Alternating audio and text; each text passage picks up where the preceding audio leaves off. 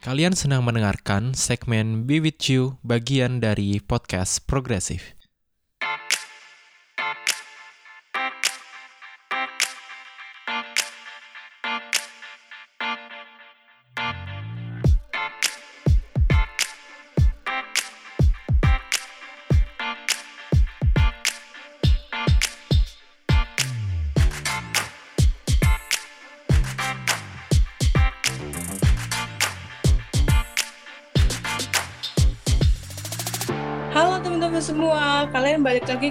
Podcast progresif sesinya Be With You dan yang pastinya kita hari ini bakalan mau bahas banyak banget hal keren. Hari ini temanya itu adalah setar, kes- kesempatan setara buat siapa sih? Nah hari ini nggak cuman bakalan ngobrol sama member Be With You seperti biasanya, tapi kita kedatangan dua narasumber yang kece-kece banget. Yang pertama ini ada Kak Adel. Nah mungkin Kak Adel boleh perkenalan nih kira-kira eh, namanya siapa ya pasti udah udah tahu lah ya karena udah gue mention namanya siapa kegiatan sehari harinya gitu Oke, halo semuanya. Nama aku Putri Siadil Yanti, biasa dipanggil Adel. Untuk kesibukan saat ini, aku baru aja lulus dari salah satu perguruan tinggi negeri di Tanah Depok. Uh, untuk saat ini belum ngapa-ngapain sih. Udah gitu aja. Oh, aku aku juga aku juga salah satu member dari Puan Buddha, salah satu organisasi yang bergerak untuk menyuarakan uh, isu hak perempuan, terutama di bidang kesehatan. oke thank you Kak Adel nah sekarang nih kita narasumber yang berikutnya nih eh, kita ini kedatangan eh, Kak Ferni mungkin Kak Ferni juga boleh cerita eh, namanya kegiatannya lagi ngapain lagi sibuk apa Halo teman-teman semuanya. Eh, kenalin aku Ferni. Eh, teman-teman manggil aku Ferni aja. Kegiatan aku saat ini yaitu kuliah semester 6 di salah satu perguruan tinggi hukum di Jakarta Selatan, Jentera Law School. Nah, kegiatan aku biasanya saat ini ikut juga organisasi di Youth Coalition for Girls yang eh, berjuang untuk hak anak perempuan. Terus juga aku juga sama dengan Adele gabung di Puan Muda yang eh, concernnya eh, kepada kesehatan untuk perempuan juga. Mungkin itu sih Mai saat ini. Oke, thank you banget ya Kak ya. Nah, eh, hari ini gue juga eh, bakalan ngebawa eh, podcast ini bareng sama Indah. Nanti Indah bakalan eh, bantu gue pada sesi hari ini. Nah, eh, sebelumnya nih ya, eh, mungkin kita akan langsung start aja. Teman-teman gak usah kenalan lagi sama gue kali ya, gue Maya. Eh, gue Maya dan kalian pasti sering banget dengerin suara gue. Nah, em, aku sebenarnya penasaran banget sih kayak pengen bahas banyak hal tentang kesempatan setara gitu karena di Indonesia kan kita sendiri eh, masih banyak banget eh, kesempatan-kesempatan yang sekiranya tuh susah banget buat perempuan masukin gitu. Dan sebenarnya nggak cuma perempuan aja tapi laki-laki juga. Nah, em, kira-kira nih ya, em, menurut Kak Adel deh, misalnya Kak Adel dulu nih. Kira-kira sebenarnya menurut Kak Adel tuh apa sih sebenarnya kesempatan setara tuh? Oke, menurutku kesempatan yang sama itu merupakan uh, kondisi di mana uh, semua orang itu diperlakukan dengan cara yang sama tanpa melihat latar belakang seperti jenis kelamin, ras, dan lain-lain. Nah, kesempatan yang sama ini bagi gender laki-laki ataupun perempuan dalam hal partisipasi ekonomi, kesetaraan akses pendidikan, kesehatan, serta political empowerment juga. Nah, tapi ini uh, doesn't mean that men and women become the same only that access to opportunities and life changes is neither dependent on nor constrained by their backgrounds gitu. Menurutku ya. Oke, oke. Kalau misalkan dari Kak Ferni sendiri gimana? Kalau gue sendiri sih eh, kesempatan yang setara itu di mana eh, mereka mendapatkan kesempatan yang sama tanpa ada ya benar tadi kata Adele tidak ada yang dibedakan dari ras, suku ataupun jenis kelamin dan sebagainya dan nggak ada hak yang dilanggar gitu. Tapi ya kalau menurut gue eh, setara itu nggak berarti sama sih. Jadi kayak ada di mana dia butuh affirmative action buat uh, dia uh, apa namanya mendapatkan kesempatan nah, gue setuju banget tuh Kak Ferni karena kadang banyak juga orang yang menyalahartikan setara itu sendiri kayak misalkan ketika mereka ngomongin kesetaraan mereka pasti bilang ya kayak ya cewek harus berusaha untuk ngelakuin itulah gitu. Sedangkan sebenarnya dalam keadaan sekarang tuh nggak bisa kayak gitu kan. Kita butuh affirmative action ketika kita misalkan uh, contohnya nih contoh contoh sederhananya tuh ya kayak misalkan um, kebutuhan pangan gua sama Indah tuh beda. Dan setara itu adalah ketika kita, uh, setara yang afirmatif itu adalah dengan ngasih kebutuhannya sesuai dengan kebutuhannya masing-masing. Gitu. Iya nggak anda bener nggak anda iya bener banget. Jadi uh, apa yang dikatakan sama Kak Ferni maupun Kak Adel itu tentang pendapat yang tentang setara bisa kita jadikan acuan juga untuk mengetahui apa sih sebenarnya kesempatan setara itu.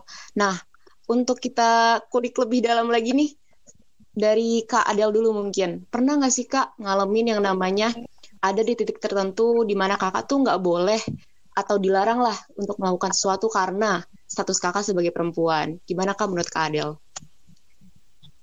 Oke, uh, jadi bukan yang nggak boleh sih ya. Kalau misalnya di keluarga aku sendiri, sebenarnya uh, nggak pernah membeda-bedakan anak perempuan dan juga anak laki-laki. Uh, mungkin anak perempuan disuruh angkat galon, angkat galon aja kali. jadi nggak nggak pernah ada uh, dibeda-bedain. Tapi uh, aku sendiri pernah ngerasain di mana pas uh, aku menjalani kehidupan perkuliahan, uh, kan ada tuh ya kegiatan non akademis. Nah misalnya uh, ikut organisasi atau kepanitiaan. Nah, menurutku sendiri ya uh, di di kampus aku uh, udah banyak nih sebenarnya yang kon menaruh concern kepada kesetaraan gender dan ataupun kesamaan eh, apa apa kesamaan peluang. Nah, tapi uh, aku sendiri ngelihat bahwa uh, sering kali ya struktur organisasi itu yang ngedudukin jabatan sebagai ketua umum atau uh, selaku pemimpin organisasi itu tuh laki-laki. Nah, sedangkan peran perempuan tuh rata-rata terletak pada posisi misalnya sekretaris ataupun bendahara umum dan uh, ataupun ketua divisi atau ketua bidang lain di organisasi yang um, sebenarnya mungkin perempuan bisa ambil peran lebih kali ya di di menjadi ketua. Tapi uh, sering kali jadi ketua tuh malah laki-laki gitu. Nah waktu itu aku pernah uh, alhamdulillah diamanahin buat jadi salah satu uh, ketua pelaksana event di kampusku. Dan itu sebelumnya udah melalui banyak banyak apa ya istilahnya kayak perdebatan gitu. Kayak kenapa sih project officernya atau ketua pelaksananya nggak laki-laki aja? Kayaknya dia lebih uh, lebih mateng deh. Atau enggak kayaknya enggak emosional gitu kayak cewek-cewek. Kayak gitu sih. Paling lebih ke kehidupan hmm. non akademis aja. Hmm, sedih banget ya maksudnya kayak um, ketika perempuan jadi pemimpin tuh malah diidentikan dengan emosional. Iya benar. Dianggap gak bisa ngambil keputusan tuh rasanya kayak hello gitu kan. Gue bisa loh. Iya. Betul betul. Nah menurutku ini juga gara-gara uh, stereotip yang beredar sih yang nggak sih misalnya kayak stereotip di mana kalau misalnya perempuan uh, marah itu pasti langsung dianggapnya emosional atau nggak bisa nahan diri. Atau enggak paling nih ya biasanya tuh dikatain PMS ya lo marah-marah dulu. Tapi sementara laki-laki ya bener banget bilangnya um, dia tegas. Jadi menurutku ada stereotip tertentu sih yang tertanam di benak mahasiswa-mahasiswa itu. Iya, nah itu salah satu ini sih, apa namanya salah satu dampak negatif dari stereotype gender. Contohnya kayak misalkan kalau misalkan hmm. cowok yang marah pasti dianggapnya tegas, tapi kalau kita yang marah-marah dianggapnya PMS lah atau apalah iya. gitu. Sedih banget kan? Iya. Iya, betul, betul banget sih itu. Emang mungkin bo iya. boleh nyambung langsung nih ke Kak Ferni. Menurut Kak Ferni sendiri, Kakak pernah nggak sih punya pengalaman kayak gitu? Kalau gue sendiri sih uh, apa namanya le lebih ke apa ya protection sih uh, karena gue perempuan satu-satunya uh, kayak pulang malam gitu sih itu lebih seringnya ke situ tapi kalau buat kesempatan buat kayak gitu orang tua gue tuh kayak ngebebasin dan dia uh, walaupun sebenarnya secara tidak langsung ibu gue tuh kurang paham masalah kesetaraan kayak gini tapi dia tuh dari kecil menerapkan walaupun gue anak perempuan satu-satunya uh, atau adik gue cowok atau apa dia kayak menerapkan ya mau kamu cowok mau kamu cewek kamu harus uh, bisa mengerjakan rumah kamu juga punya hak pendidikan juga. Jadi kayak nggak ada nggak dibedain kalau masalah itu. Tapi ya masalah keluar ma malam atau misalkan itu mungkin izinnya sih yang memang agak susah gitu. Tapi ya tapi makin gue gede makin gue yakinin jadi kayak misalkan ada acara apa kayak gitu ya udah dibolehin. Asal asal ya gue ngasih bukti dan kayak ngasih pertanggungjawaban kayak gitu sih. Jadi tapi kalau misalkan yang tadi Adel tuh cerita tentang apa namanya apa perempuan diragukan untuk jadi ketua. Itu tuh terjadi banget sama pengalaman gue waktu SMP dan karena waktu itu uh, temen gue jadi wakil ketua dan wakil uh, wakilnya tuh sama-sama cewek. Dan gue posisinya waktu itu adalah bendahara dan cuma ada satu cowok sekretaris. Dan itu cukup diragukan sih. Dan dan apa namanya uh, dari situ gue ngerasain kayak lo kok kenapa harus diragukan? gitu. Padahal secara kerja justru dia lebih baik dibandingkan kayak osis sebelum yang ketuanya cowok. Jadi kayak menurut gue kayak mau cowok atau cewek jadi kayak terlihat gimana cara dia bekerja sih bukan dia karena cewek eh kan dia karena cowok karena nggak pernah PMS itu dia lebih baik kayak gitu. Apa? Aku juga pernah ngalamin sih jadi kayak sama waktu SMP juga. Aku waktu itu diamanahin jadi ketua osis. Tapi uh, yang ngeraguin aku sebenarnya bukan dari teman-teman aku yang apa namanya ikut organisasi osis itu. Justru dari luar dari guru malah lebih kayak ngeraguin. Apalagi waktu itu aku yang paling termuda jadi ketua osis terus perempuan. Udahlah itu kayak campur aduk banget alasan kenapa aku harus yang jadi ketua osis. Jadi lanjut ke Maya boleh? Kalau kalau pengalaman gue sendiri gue SMP SMA kan ketos ya. Um, apa namanya uh, waktu men paling menarik itu pas gue SMA karena jajaran gue cowok semua gue cewek sendiri. Jadi gue ketua mulai dari bendahara sekretaris sama humas tuh cowok semua. Dan apa namanya kalau rapat gitu gue cewek sendiri gitu kan di atas kan. Uh, ya gue berasa keren aja kayak berasa apa ya menaklukkan stereotip tentang cowok nggak bisa jadi sekretaris nggak bisa jadi bendahara terus cewek yang nggak bisa jadi ketua gitu. Dan buktinya kita aman-aman aja sampai akhir ya meskipun banyak drama namanya organisasi kan ya. Iya. Tapi um, menurut kalian kalau misalkan nih kan tadi kan kita udah nanya ke lebih ke apa ya pengalaman masing-masing kan. Kalau misalkan untuk akses in, akses edukasi ini menurut gue ya kalau apalagi di desa yang gue lihat itu kadang ada juga beberapa yang kayak um, sulit gitu loh buat perempuan. Jadi kayak orang-orang tuh lebih milih kayak ya udah perempuan lo di dapur aja lah nggak usah nggak usah pendidikan tinggi tinggi gitu. Kak Ferni pernah dengar kayak gitu nggak kak? Sering banget sih. Sering banget.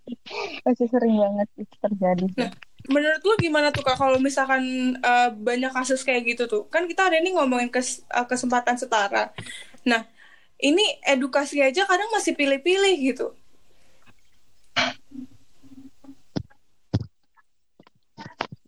dan emang apa namanya itu sering banget karena um, karena kalau misalkan di desa tuh ngelihatnya kalau anak perempuan ketika udah lulus ya udah kayak nikah. Dan karena emang kalau jujur kalau misalnya di daerah Kabupaten Bogor tuh kayak masih banyak banget yang kayak gitu. Jadi kayak karena perkawinan anak juga di lingkungannya gitu. Dan mereka menganggap kalau misalkan uh, perempuan tuh jangan terlalu nikah tua. Kalau bis umur 17 tahun tuh 17 tahun ke atas tuh kayak udah udah cukup lah untuk nikah gitu. Jadi ya udah mereka lulus sekolah langsung nikah atau biasanya mereka kerja atau bahkan nggak menyelesaikan sekolahnya gitu. Dan dan rata-rata itu kadang mereka mengetahui itu dengan secara sadar kayak gitu. Tapi sedih banget biasanya kalau kayak begitu uh, juga sering nggak sih terjadi di daerah-daerah kayak kota besar seperti Jakarta gitu atau daerah kota besar kayak Medan, Makassar?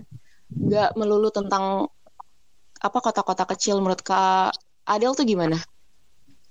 Ya sih sebenarnya menurutku ini akar permasalahannya tuh dari belum meratanya pemahaman sih. Dan uh, ada pola pikir yang tradisional gitu loh kayak cultural belief yang emang udah turun menurun turun menurun gitu. Gimana ya? Jadi udah tertanam dari mereka kecil gitu mungkin. Jadi itu bakal ke bawah terus sampai keturunan tujuh ke sampai keturunan keberapa kayak jadi bakal tetap kayak gitu mindsetnya.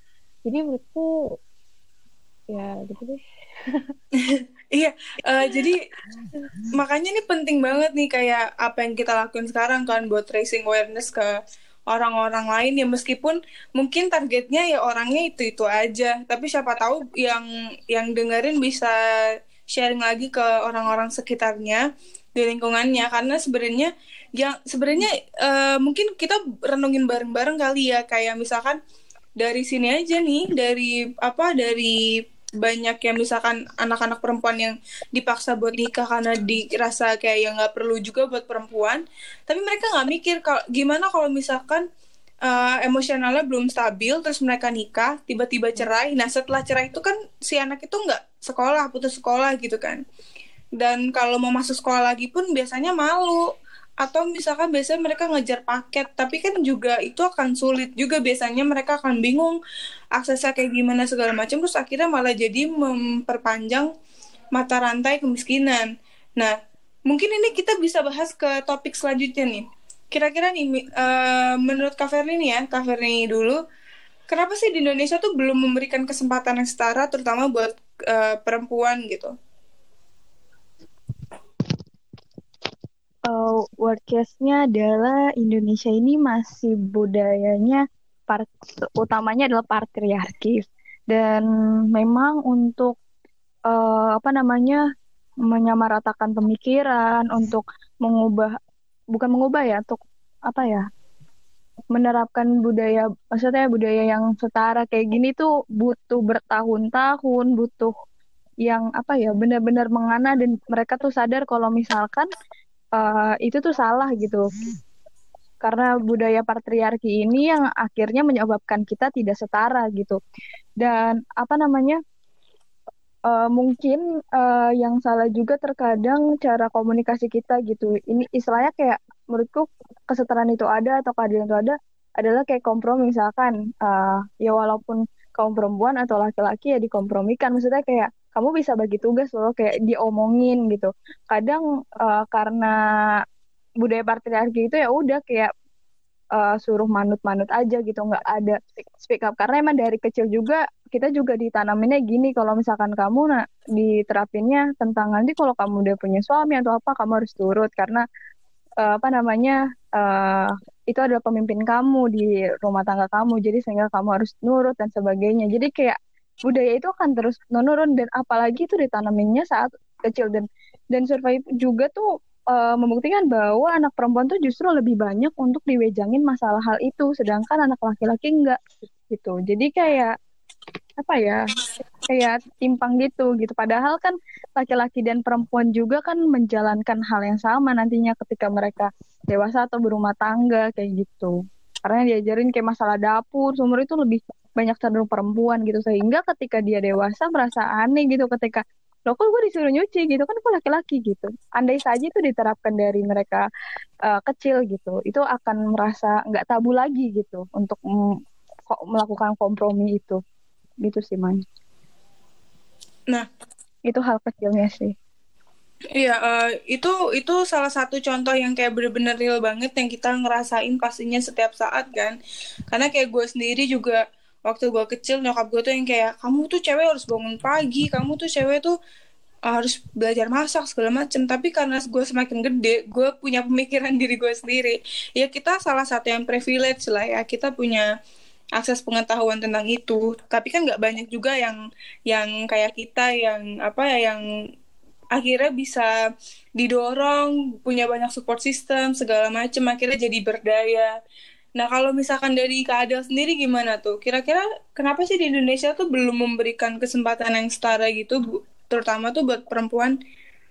Nah sebenarnya tuh pemerintah ngasih uh, program buat keluarga miskin itu sebenarnya buat gak biar apa ya biar keluarganya itu tuh nggak punya alasan lagi buat anak perempuannya nggak bisa sekolah gara-gara alasan ekonomi. Makanya uh, udah dikasih tuh kayak kartu pelajar gitu-gitu yang apa sih namanya kartu Indonesia Pintar ya Iya.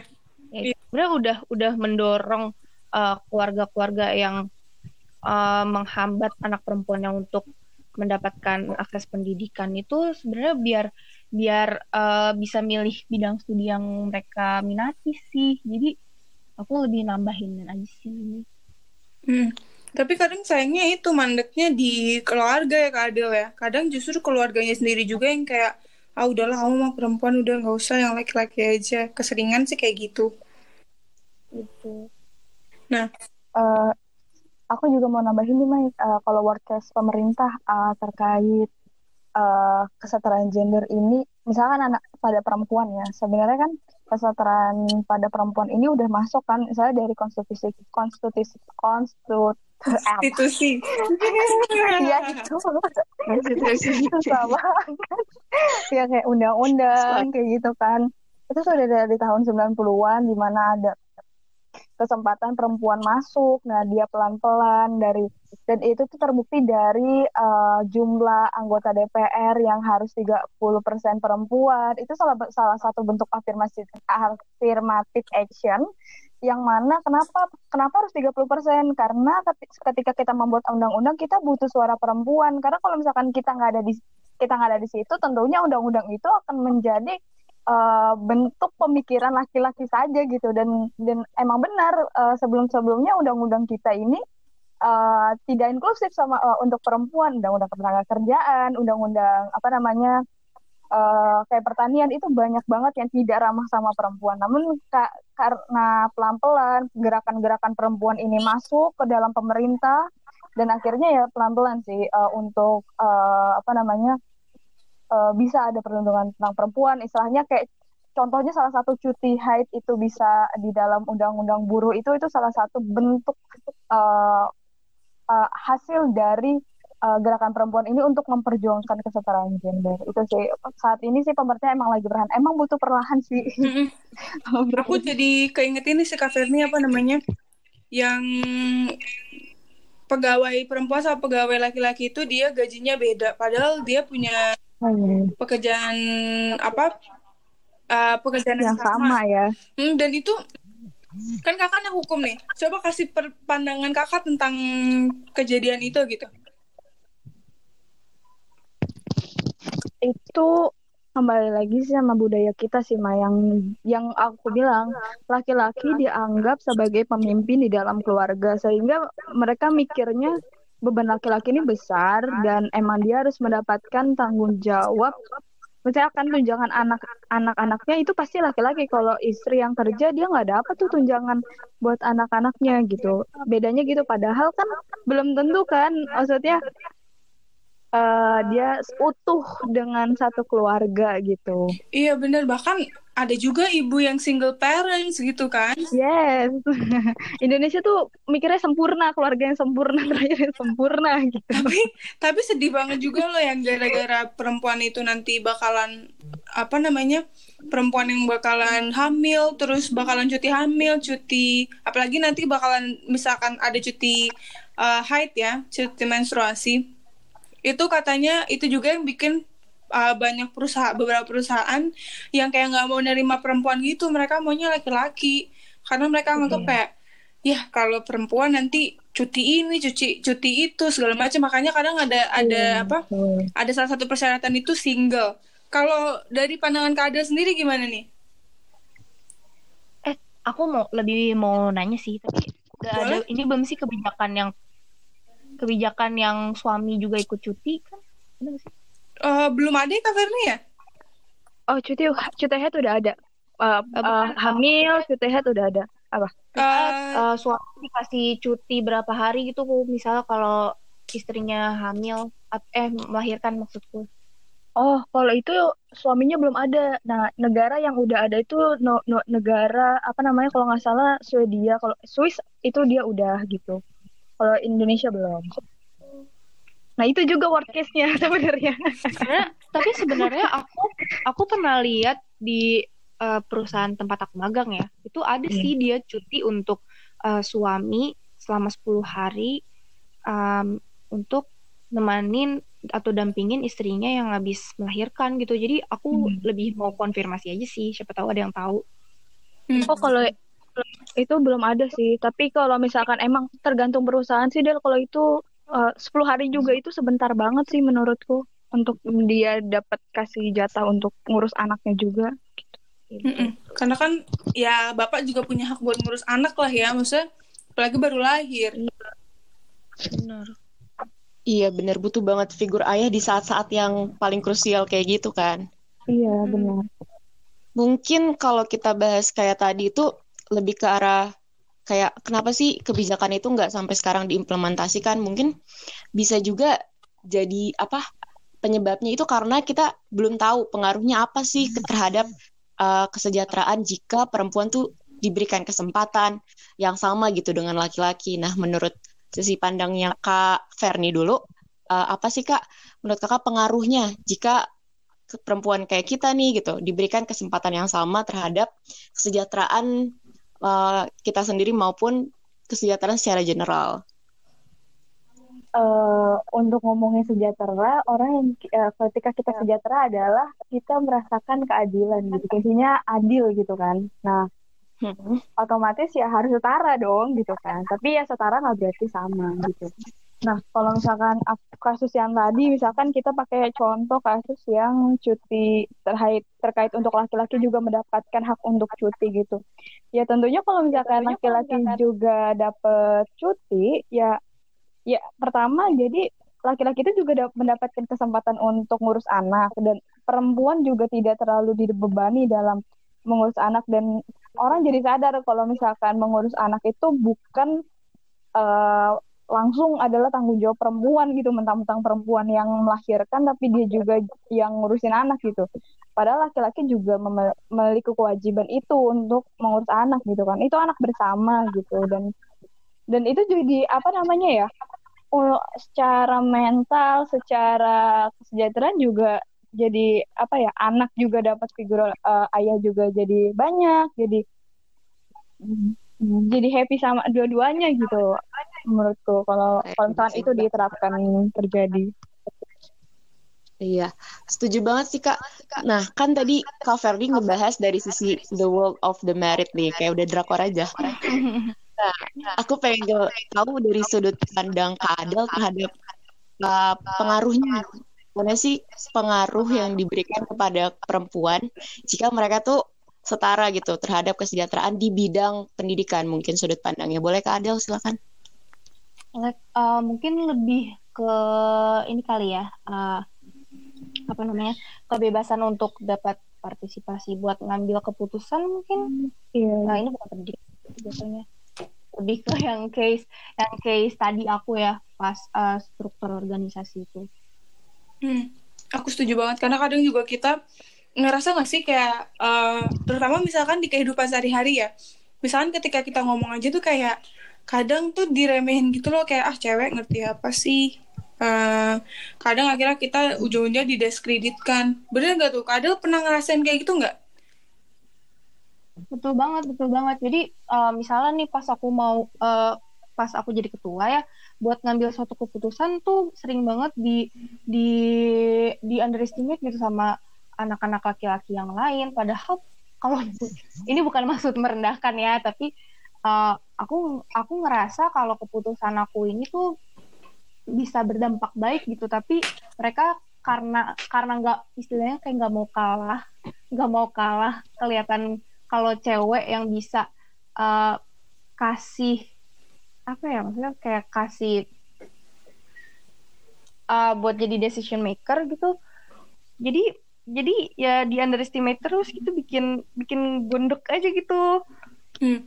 Dan kadang tuh pengaruh apa ya pengaruh role model juga penting banget sih menurut aku kayak di Indonesia sendiri aja tuh masih sedikit banget eh, pemimpin-pemimpin perempuan ya paling yang terkenal Iya, Bu Sri. Mulyani, Bu Retno.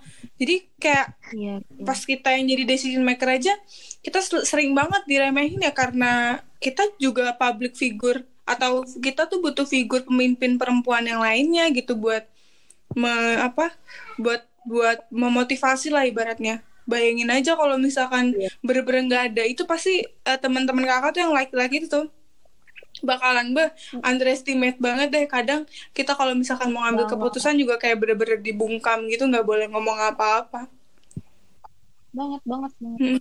Dan justru sekarang kayaknya malah lebih ke uh, apa ya? Kalau dari sisi perempuan yang udah kesorot gitu, baru dia dipercaya kredibilitasnya untuk sebagai decision maker. Bener nggak sih? Iya, benar.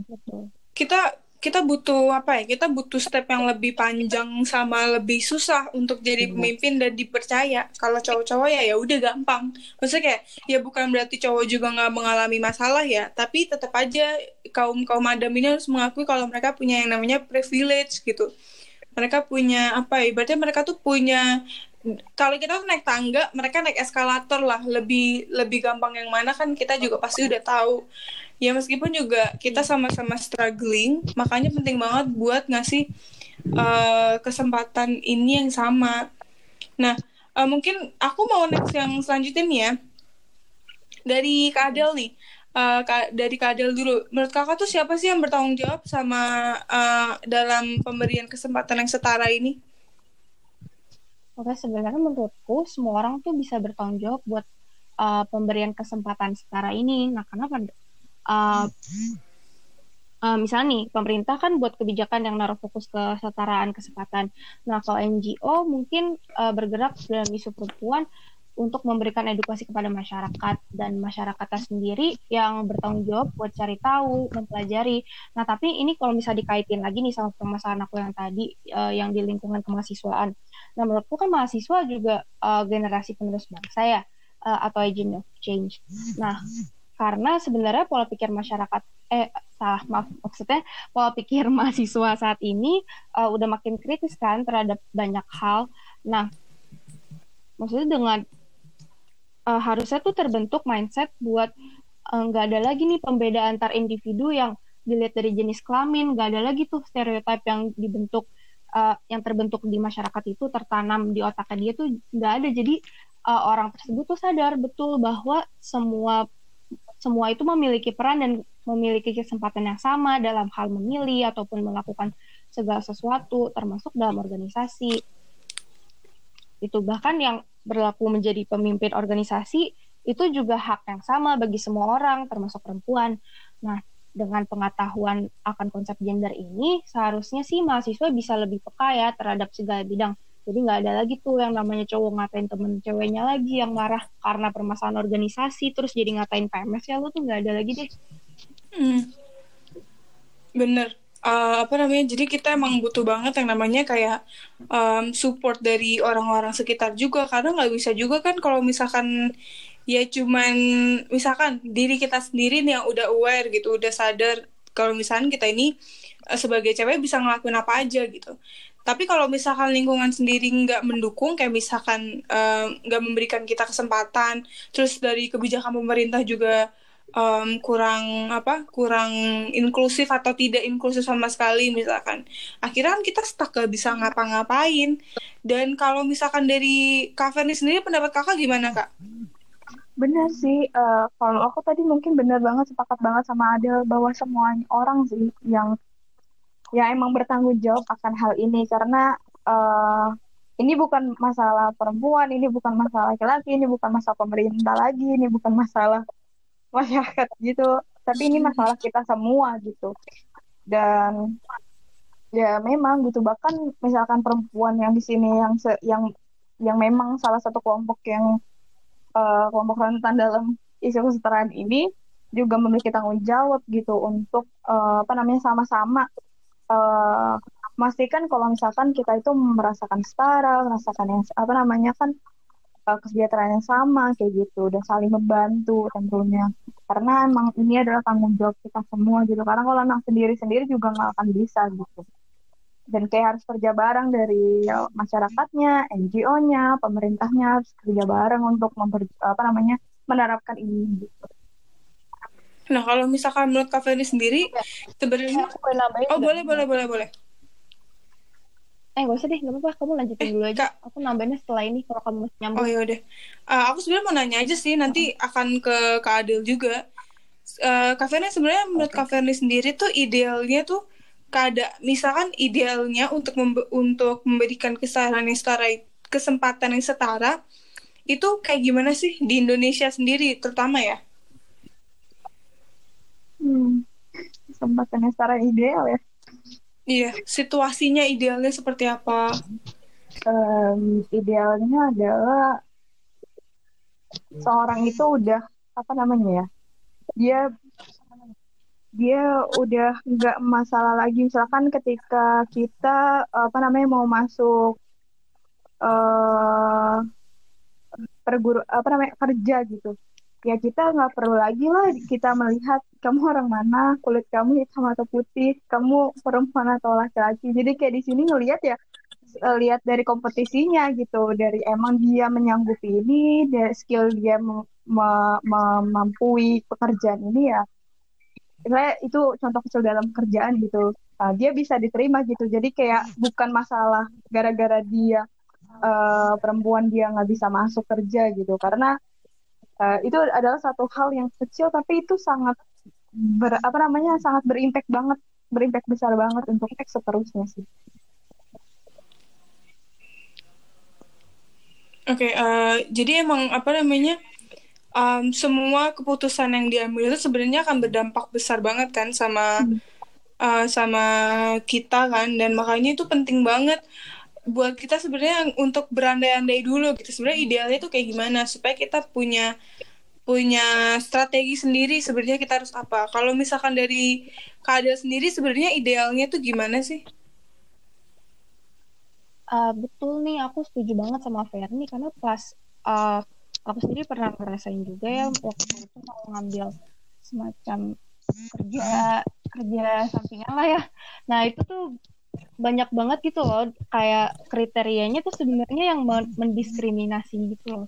Kayak misalnya nih uh, dari tinggi badan minimal 170 cm atau cenderung nyari pria atau yang berpenampilan menarik menurutku sebenarnya atau enggak nih uh, gak boleh berhijab itu tuh menurutku suatu apa ya benar-benar diskriminasi sih. Jadi menurutku kalau itu bisa dihilangkan, uh, perusahaan bisa mempertimbangkan hal itu, menurutku itu udah sangat ideal sih untuk kesetaraan hmm. Uh, peluang. Bener, aku jadi keinget ini siapa namanya, um, kayak banyak juga uh, beberapa beberapa peraturan yang atau kriteria pekerjaan tuh sebenarnya uh, mendiskreditkan perempuan yang kayak nggak boleh berhijab apalagi yang penampilan menarik itu sebenarnya kayak nggak ada faedahnya sih kalau misalkan Betul, uh, iya. gimana Kadil?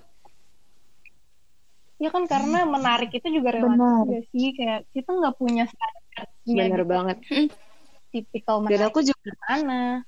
Aku iya benar. Kalau aku boleh berbagi pengalaman juga karena aku kuliah yang di jurusan event hmm. kan banyak banget tuh divisi-divisi event misalnya uh, apa suatu event oprek open recruitment terus ada tuh hmm kriteria yang harus apa kita penuhi misalnya berpenampilan menarik untuk di suatu divisi tertentu dan itu juga kayak langsung minder lah orang yang emang punya skill tapi nggak mem nggak memenuhi uh, apa namanya kriteria tersebut. Hmm. Tadi uh, sebelumnya dari Kak Adil ada yang mau ingin disampaikan tadi sempat terpotong maaf Kak. Boleh silakan ya, disambung. Itu, itu lebih ke yang bahasan sebelumnya sih sebenarnya. Uh, jadi ya. uh, buat tapi buat perempuannya juga jangan uh, cuman menuntut kesetaraan sih menurutku tapi soalnya gimana ya aduh gue bingung ngomongnya udah aku berlupa gue mau ngomong apa gitu. ini apa namanya mungkin aku aku sambung sembari kakak mengingat-ingat ya. Mungkin ini apa namanya aku nggak tahu uh, yang kakak maksud apa tapi yang ada di pikiranku mungkin uh, jangan cuma nuntut kesempatan aja tapi kita juga yang harus uh, sadar kalau misalkan kita punya kesempatan sendiri. Karena kadang juga ada beberapa perempuan contohnya di kereta nih ya. Ini ini yang paling simpel banget contohnya di kereta cewek uh, sumpah itu nggak aku uh, kenapa kak? Nggak apa-apa lanjutin. Nggak oh, apa-apa yaudah nanti kakak ya. boleh nyambung ya. Ya contohnya di kereta sendiri malah perempuannya sendiri yang kayak ngerasa ah gue lemah gue butuh duduk cowok apaan sih kok duduk? gitu. Padahal bisa jadi cowoknya yang sakit. Nah kadang boleh sam boleh disambung nah, kak? kadang tuh ya perempuan juga uh, suka nganggep rendah kemampuannya mereka gitu loh. Jadi mereka suka nganderestimate diri mereka sendiri. Kalau misalnya, ah gue nggak kompeten nih, gue gue nggak bisa nih, gue gimana ya? Terus mereka kalau misalnya pas lagi rekrutmen atau pas interview kerja, mereka jarang negosiasi buat gajinya mereka sendiri karena mereka ngerasa, ah nanti kalau gue negosiasi gaji gue segini ke sana gue pede banget lagi. Jangan kayak gitu sumpah. Itu gimana ya harus lebih ningkatin kepercayaan diri sih menurutku buat buat semua perempuan. Kalau kalian tuh kompeten kalian kalian tuh punya power, punya power ya. ya. jadi kalian tuh deserve itu semua. Jadi jangan sampai kalian underestimate diri kalian sendiri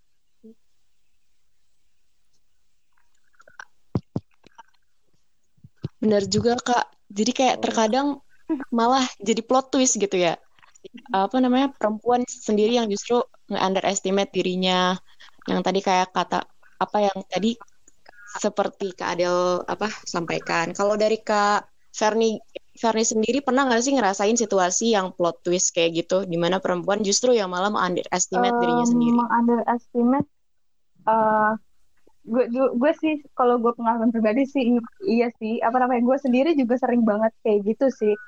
Uh, tapi kayak mungkin karena gue juga cari tahu dan gue juga dapat lingkungan yang cukup baik dalam hal informasi tentang kesetaraan jadi kayak ya pelan-pelan kayak deal bahwa perempuan tuh punya power perempuan juga bisa gitu. Perempuan uh, karena kekuatan perempuan ada di dirinya dia dia sendiri gitu. Jadi kayak jangan sampai direndahkan gitu. Jadi jadi dan jangan sampai juga kita juga pelaku dari diskriminatif kesetaraan ini gitu. Jadi kayak kita apa ya harus imbang juga gitu.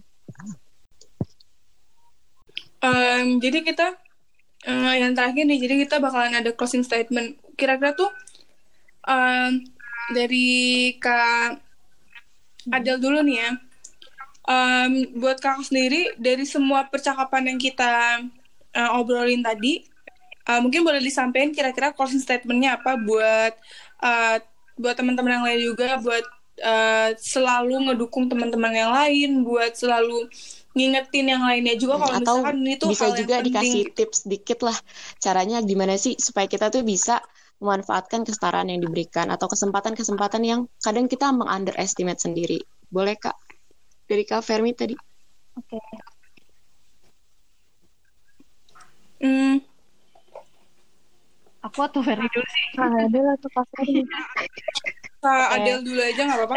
sorry, sorry. Okay. Uh, semoga ke depannya Indonesia bisa jadi uh, negara yang lebih adil gender sih dan uh, terhindar dari segala sesuatu yang bersifat diskriminatif tadi uh, yang bisa ngerugin banyak pihak dan mungkin uh, ini bisa diawali dari mahasiswa yang uh, katanya agent of change. Uh, terus buat terkait dengan perempuan yang underestimate diri mereka sendiri, aku pernah dengar uh, TED Talk, tapi mohon maaf aku lupa siapa uh, speakernya, tapi aku inget banget uh, beliau bilang kalau no one gets the achievement if they don't believe they deserve it.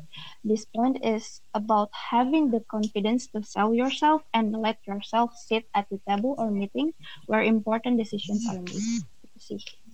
Itu selalu terekam di kepalaku sih. Jadi aku nggak bakalan nggak bakalan uh, ngebiarin diri aku buat gak ikut serta dalam decision maker sih. Keren, keren banget. Karena emang um, semua itu harus banget dimulai dari kita sendiri. Kalau misalkan kita nggak mulai, siapa yang mulai kan? Nah, uh, boleh langsung ke Kak Ferni. Masih sama nih uh, pertanyaannya. Closing statement aku, aku pengen ngasih tahu sih kepada teman-teman yang dengerin podcast ini bahwa kita ini manusia terakhir memiliki hak yang sama. Jadi uh, kita memiliki hak untuk mendapatkan keadilan, mendapatkan hak untuk setara gitu dan tidak ada satupun manusia yang berhak untuk merenggut kesetaraan kita, keadilan kita. Jadi kalian itu punya power, kalian tuh punya hak. Jadi jangan uh, mengunderestimate diri kalian sendiri dan uh, mari kita sama-sama gitu ngerangkul teman-teman kita untuk uh, bersama uh, mendapatkan kesempatan yang sama gitu.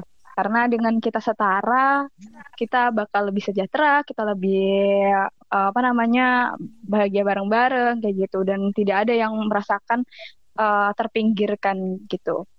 Dan aku mungkin ngutip uh, apa namanya omongannya uh, di videonya Najwa Shihab bahwa uh, stop untuk memandang perempuan itu sebagai benda karena uh, karena kita sama-sama manusia dan kita memiliki kompetensi yang sama.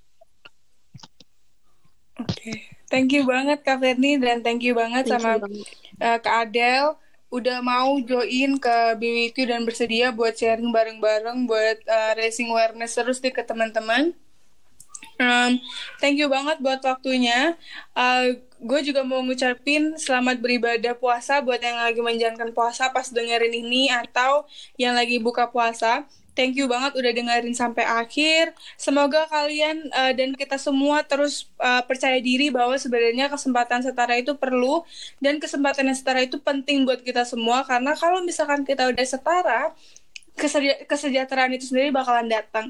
Kalian yang buat mau ngepoin Instagramnya at bewithyou.idn boleh banget sama Instagramnya podcast progresif dan Instagramnya Puan Muda uh, at puanmuda.id ya kayak. Oh, iya boleh. Ya, ataupun Instagramnya YCG, at ycg.id, teman-teman boleh ngecek semua kegiatannya dan segala macam. Oke, okay? uh, eh, gue akhirin podcast hari ini. Terima kasih Kak Adel dan Kak Ferni boleh dada-dada dulu. ya, dada-dadanya suara. Okay. Oh iya, dadah semuanya. dadah. Thank you so much. Thank you.